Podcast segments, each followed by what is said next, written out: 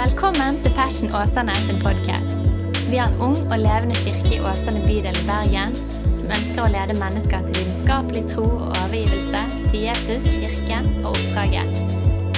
Takk for at du lytter til vår podkast, og vi håper du blir oppmuntret og utfordret i din etterfølgelse av Jesus.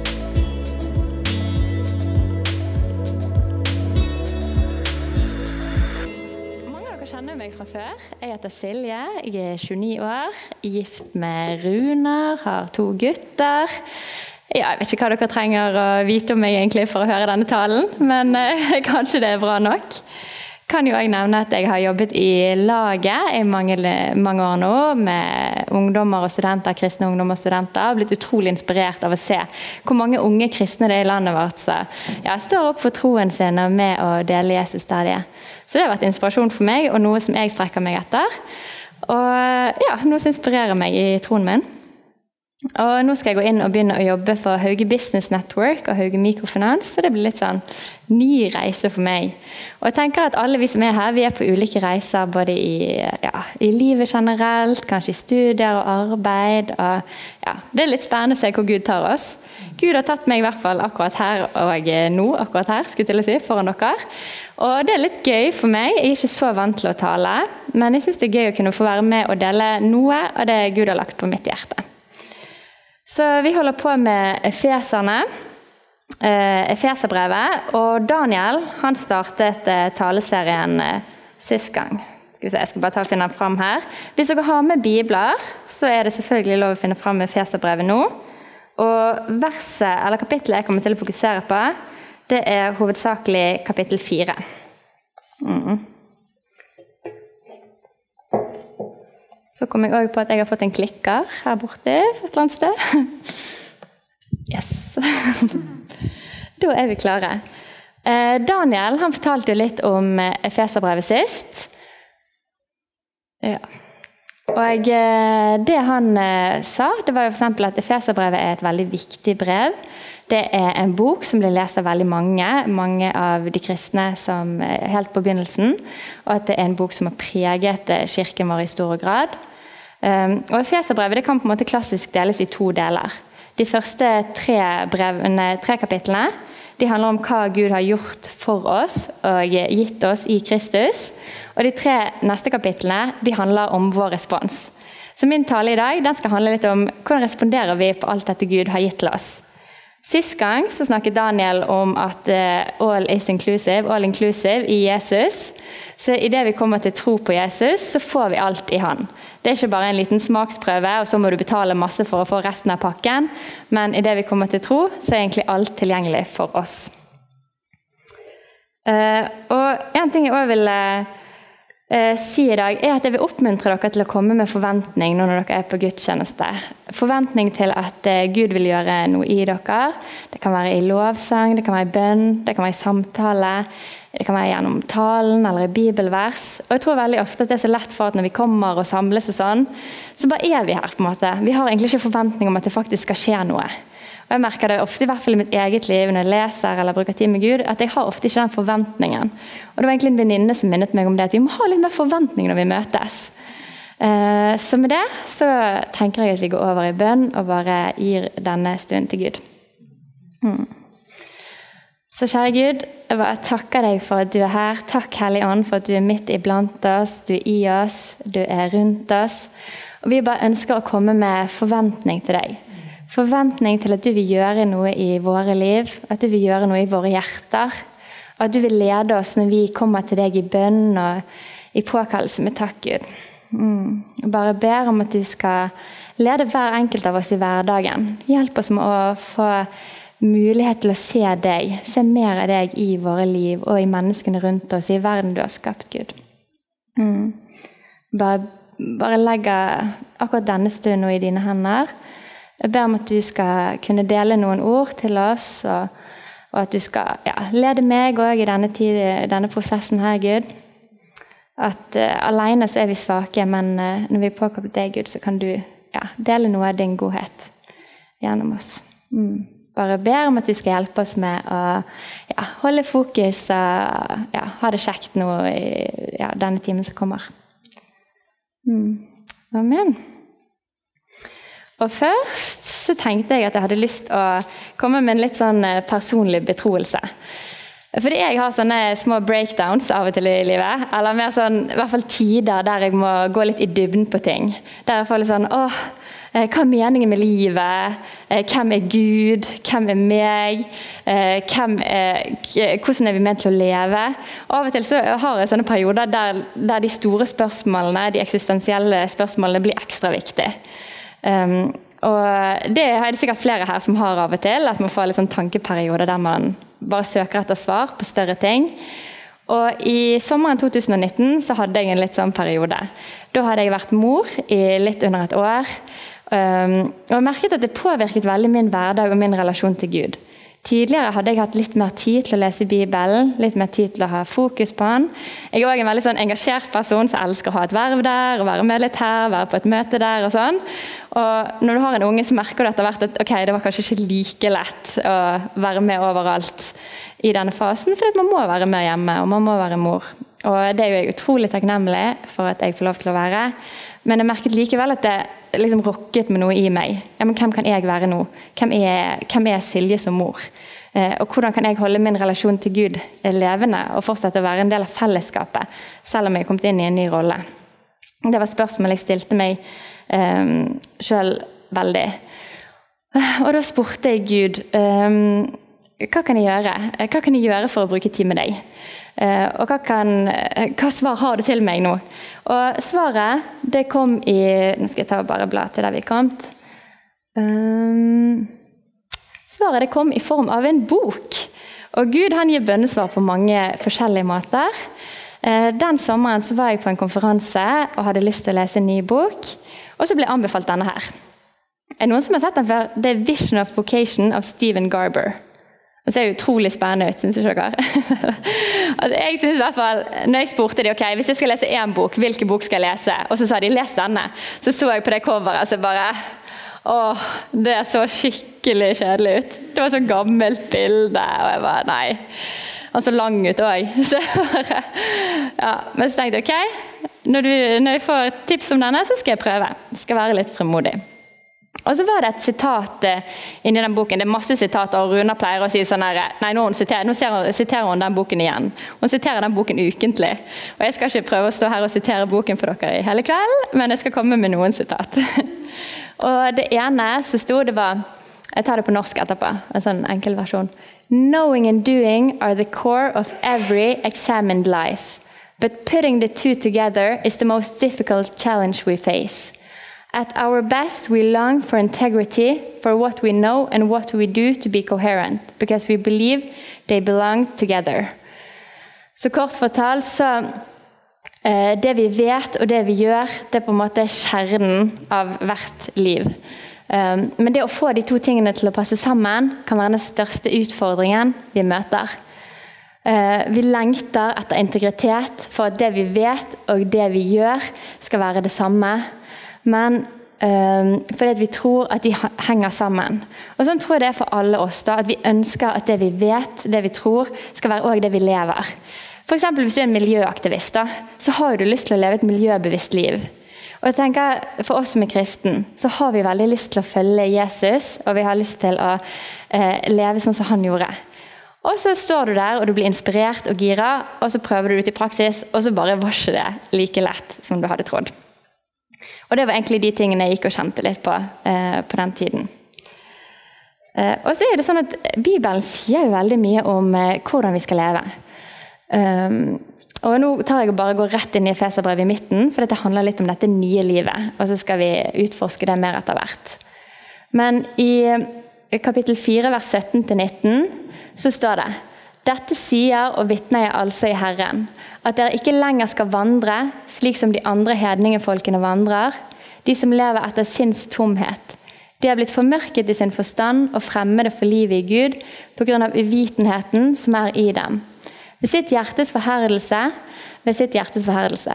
Siden de ikke lenger har skamfølelse, har de gitt seg over til et utsvevende liv og til all slags urenhet med grådighet. Så dette er veldig sterke ord. Og jeg har òg en eh, sånn hverdagsbibel som skriver med litt sånn enklere språk, sånn at vi kan lettere forstå det her og nå.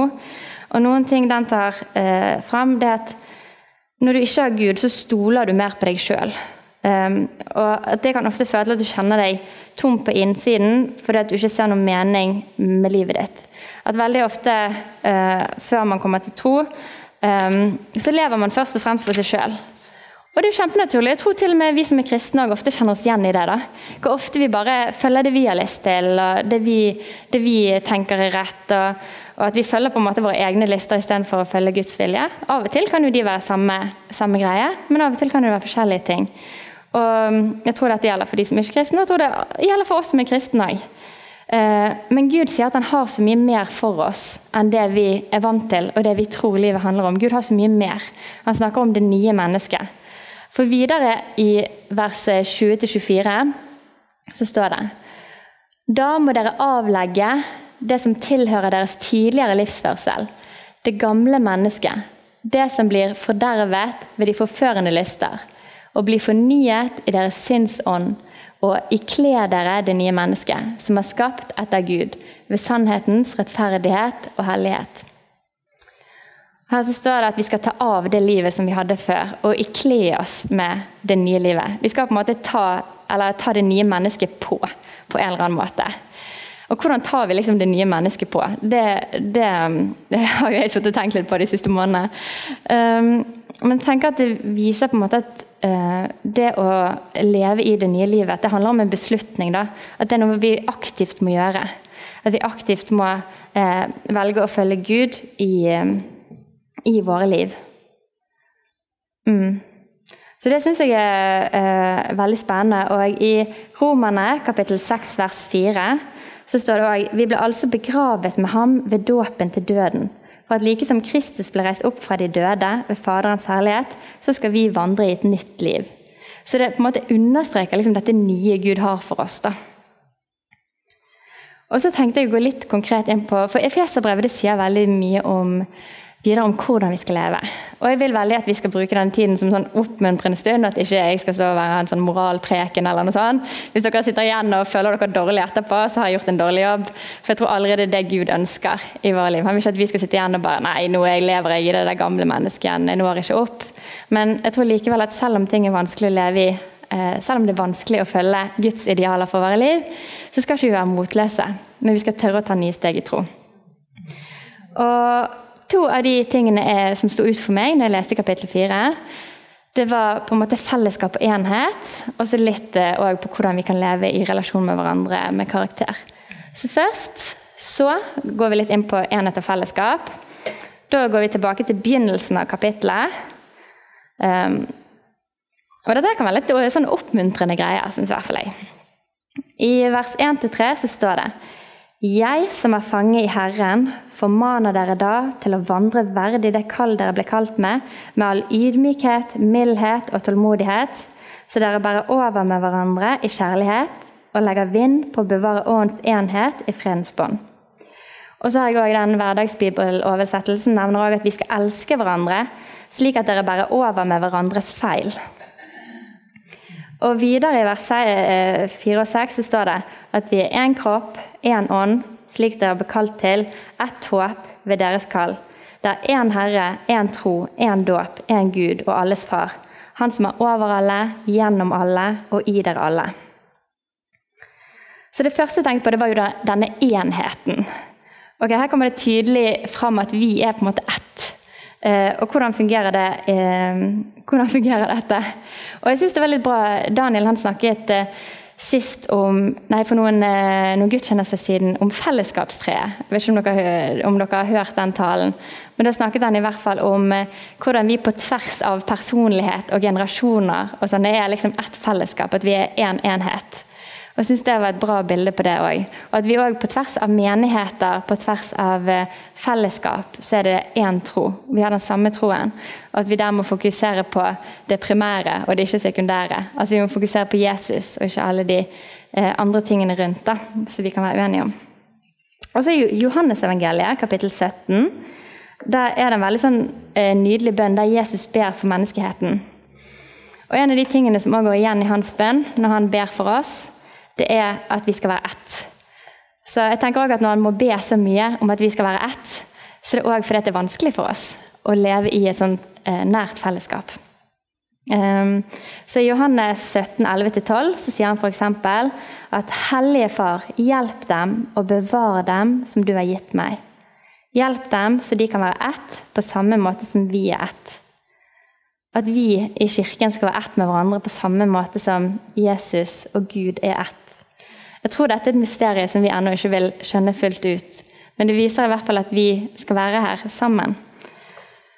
Um, det andre tinget som sto litt ut for meg, det var dette fellesskapet. At vi er faktisk skapt til å være i et fellesskap med hverandre. At vi er ett. Og hva skal kjennetegne vårt fellesskap? Det sto mildhet, ydmykhet, tålmodighet og kjærlighet. Er ikke det et fantastisk fellesskap å kunne være del av? Et sted der vi møter hverandre på den måten. Jeg tenker at Vi skal bygge gode og sterke relasjoner til hverandre som tåler stormer. F.eks. Eh, hvis man møter utfordringer, sånn, at man skal tørre å liksom stå sammen i det. da. Og så står det òg tilgivelse. Det viser jo at vi ikke skal forvente et liv der vi ikke skuffer hverandre. Eller der vi alltid greier å behandle hverandre sånn som vi egentlig er ment til å behandle hverandre. Nei, det står at vi vil mislykkes faktisk av og til i våre relasjoner, fordi vi er bare mennesker. Men at når det skjer, så skal vi strebe alltid etter å tilgi hverandre.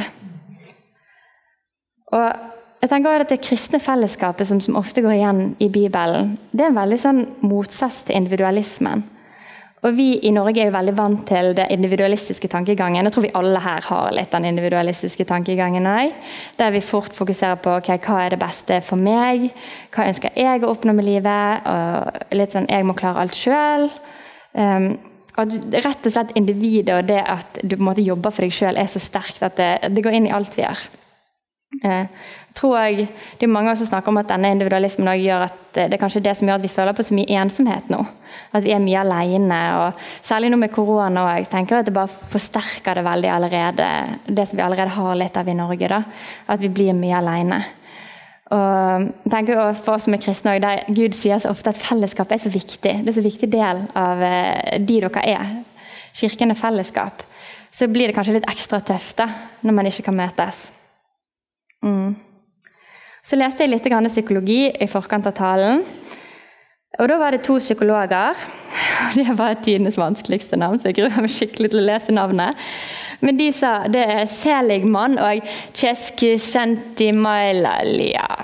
Ja. Så hvis noen eh, har studert psykologi her, så håper ikke jeg eh, ja, det her var jo kjempeflaut. Men eh, jeg skal i hvert fall lese hva de sier. Um, og Hvis noen har lyst til å liksom få kildene etterpå, så er det bare å komme til meg, så skal jeg eh, gi en skriftlig. Mm. Men de hevder at dersom individet bare legger vekt på egne fordeler, eget velvære og økt materiell standard, mens andres velferd blir ignorert, så vil det føre til og så tar de på engelsk, increasing selfishness to alienation between the more and the less fortunate, and eventually to chaos and despair. Så det at Når vi bare søker vårt eget, så vil det på en måte lede til en slags tomhet. da. En egoisme Det vil bli kaos og despair. Det er ganske sterke ord, da.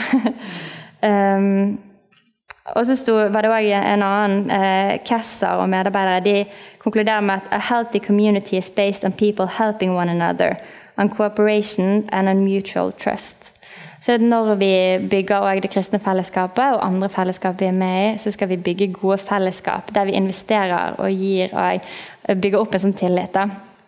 Eh, og det er jo veldig spennende. Og én ting som sto i denne boken, som eh, jeg nevnet innledningsvis, det var at eh, Dere har kanskje hørt om William Wilberforce, men han jobbet for antislaveri for noen hundre år siden i England. Uh, og et sånt saying som han hadde, det var 'choose a neighbor before you choose a house'.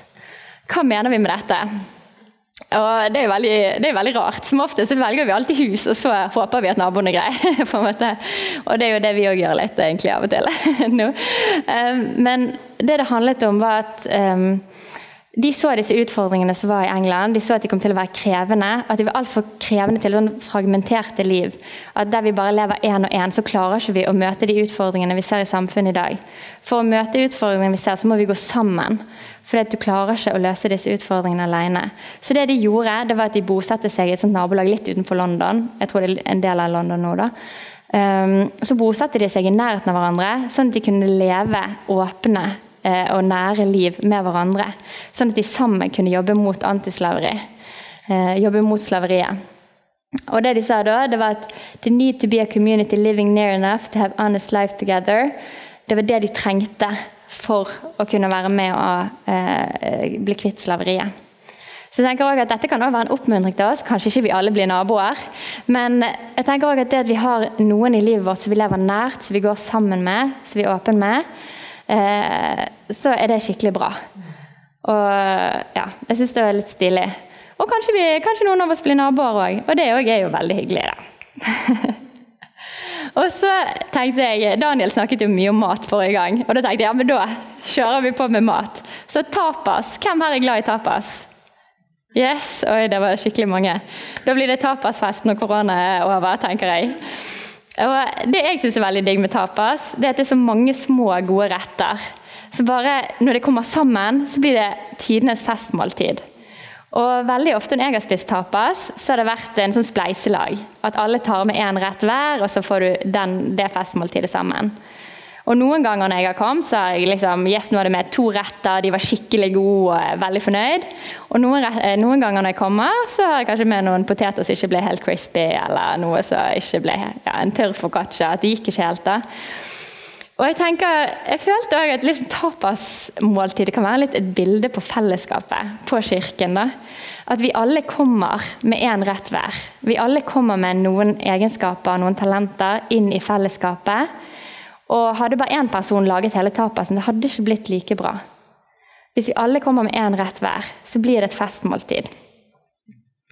Og det står faktisk eh, i, eh, videre i Efeserne Det står ingenting om tapas, det kan jeg si, men det står eh, vers 11-16. Han ga noen til å være apostler, noen til profeter, noen til evangelister, noen til hyrder og lærere for at de hellige skulle bli utrustet tjenestens arbeid, til oppbyggelse av Kristi kropp. Jeg tenker at Gud viser oss tydelig at han har skapt oss ulikt. Han har gitt oss ulike roller. Men når vi kommer sammen, da blir det fest. Da blir det fellesskap, da blir det glede. da blir det, Vi bygger noe sammen. Og Det er det samme som med tapas. Når du kommer sammen, så blir det skikkelig bra. Og jeg synes også Det som er så fint med det, er at hvis den retten jeg lagde den gangen, ikke ble så bra, så gjør det ingenting. For måltidet blir fortsatt bra, for vi alle har bidratt. Og Sånn opplever jeg i dag i kirken. da. At når jeg kommer i dag, ok, Hvis talen min ikke ble liksom top notch Ja ja, Mathias hadde lovsangen, Mats ledet, det var vertskapsteam. Alle som er her. Vi skaper noe sammen idet vi kommer sammen. Så Hvis ikke vi alltid lykkes på topp, så bærer vi hverandre i den tiden. Og Av og til så, så lykkes man. Og da kan man på en måte også være med å løfte andre opp i eh, det man gjør. da. Så bare en skikkelig sånn oppmuntring til at vi skal bare komme med det vi har, og da blir det bra. Og da bærer vi hverandre. Mm. Um, og da tenker jeg at Tenk gjerne gjennom liksom, hva er du god på.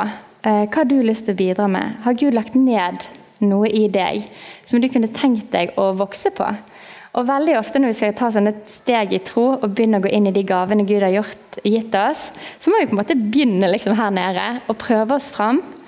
Og så vil vi vokse inn i de gavene eller de personene vi er over tid. da.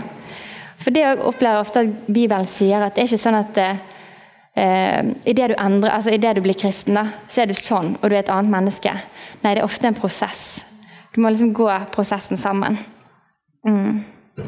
Uh, og det også, Jeg snakket litt med mentoren min. Jeg har en mentor uh, som går i Birkeland kirke. Og Jeg snakket litt med hun uh, om fellesskap. Da. Jeg sa jeg skulle snakke litt om fellesskap i dag, og lurte litt på hva hennes tanker var. Og en ting hun sa, det var at det jeg drømmer mest om i forhold til det kristne fellesskapet nå, det er at vi skal bli mer et slags arbeidsfellesskap. At vi er et fellesskap der vi kommer sammen, at vi står liksom skulder med skulder og jobber liksom mot en felles sak. For så ofte så blir det et veldig sånn hyggelig fellesskap, og vi har det veldig kjekt sammen. Men det er ekstra gøy når vi sammen kan jobbe mot et mål. Og det er jo sånn som I Passion så har vi en visjon. Jesus hjem verden. Vi ønsker at Jesus skal bli kjent. Vi ønsker å skape gode hjem og gode fellesskap. Vi ønsker at folk skal høre om Jesus. Og det er bare å oppleve enda mer at vi på en måte står skulder med skulder i det oppdraget. Da føles ikke heller så stort, for du står ikke alene. Du står skulder med skulder, og der du er svak, er en annen sterk. Der du er sterk, er en annen svak. Og det er det som er på en måte eh, the beauty, altså skjønnheten i det kristne fellesskapet. Og det er sånn Gud har skapt oss òg. Det er han som har skapt oss, det er han som har skapt oss veldig begrenset. Med at det er mange ting vi ikke er gode på. Det er noen ting vi er gode på. Vi trenger hverandre. Mm. Mm. Og så står det òg veldig konkret, og nå tenkte jeg bare å lese litt, eh, litt opp for dere. Eh, for det i, Fra vers 25 til 32 eh, så står det veldig konkret hvordan vi skal leve.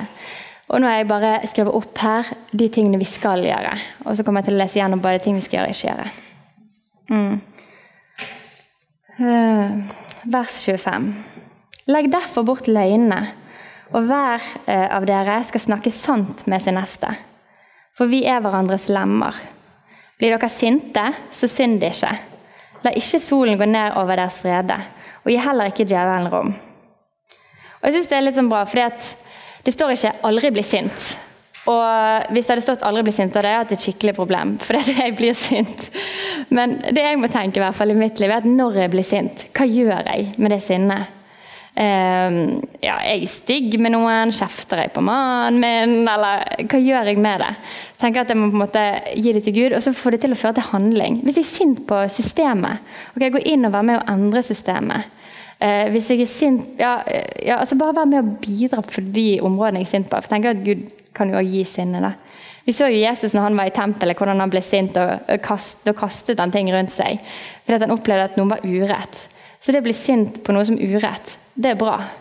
Men det betyr ikke at vi skal gå ut og slenge drit om folk og banke dem ned og sånn, for det er vi ikke enige Litt sterke ord, men, men eh, jeg syns det er veldig kjekt at det står at vi skal bli sint, altså hvis vi blir sinte, skal vi ikke synde.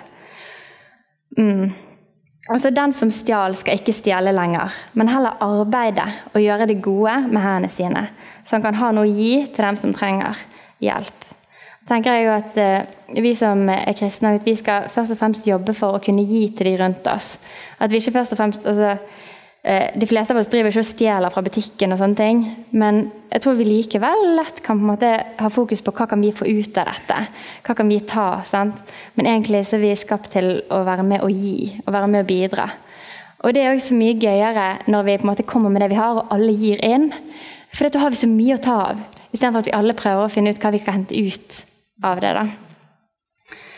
Og så står det videre òg eh, Lag et eneste råttent ord komme ut fra deres munn, men bare ord som tjener til nødvendig oppbyggelse, for at ordene kan gi nåde til dem som hører på. Så vi skal snakke oppbyggende til hverandre, vi skal oppmuntre hverandre, vi skal heie på hverandre. Når det skjer noe bra i livene til hverandre, så skal vi bare bli skikkelig glad for det. Og når det skjer noe tøft i livene til hverandre, så skal vi bare stå sammen, vi skal være lei oss med hverandre. Vi skal være i bønn med hverandre. Vi skal på en måte kjenne enda mer på det å gå sammen i ting. Mm. Og så da, Gjør ikke Guds hellige ånd sorg, ham dere ble beseglet med til forløsningens dag. La all bitterhet, vrede, sinne, skrik og ond tale være langt fra dere, sammen med all ondskap. Vær gode mot hverandre, slik Gud har tilgitt dere i Kristus. Jeg tenker Det er jo helt fantastiske ting å strekke seg etter. Det er jo altså det er ikke å være bitter, det er ikke å være altså, være sint på andre og tale ondt om andre. Det er kjempebra. Og det minner meg òg veldig om eh, åndens frykter, da, som det står om i Galaterne. For i Galaterne så står det eh, i kapittel 5, vers 22.: Men åndens frykt er kjærlighet, glede, fred, overbærenhet, vennlighet, godhet, trofasthet, ydmykhet og selvbeherskelse. Det er jo fantastiske, fantastiske ord. Og så er det òg, åndens, eh, eh, frykt, så betyr det òg at det er ikke noe vi skal gjøre oss sjøl. Dette skal være en frukt av at vi får Den hellige ånd. Den hellige ånd som skal hjelpe oss til å leve inn i dette. Det er ikke noe vi skal klare sjøl, men det er noe Gud skal lede oss inn i. Og Det syns jeg er så viktig at nå når vi snakker om hvordan vi skal leve, at, um, at vi skal bli oppmuntret av det. Og at Det skal ikke være sånn at Daniels tale handlet om at vi har fått alt, og så kommer min tale og så bare Ja Har vi egentlig det? Nei, Jeg vil heller underbygge det han sa, med at vi har allerede fått alt i Jesus. Og at det kan inspirere oss til å leve annerledes liv. For jeg tenker Med slutten av livet, hvor gøy hadde ikke det vært hvis vi hadde vært mennesker som har gitt til de rundt oss, som har oppmuntret folk, som har løftet andre opp, som har betydd en forskjell i andres liv, for at vi ikke bare levde for oss sjøl. Jeg tenker også at Dette handler jo også om, om en aktiv beslutning i de små tingene. sant?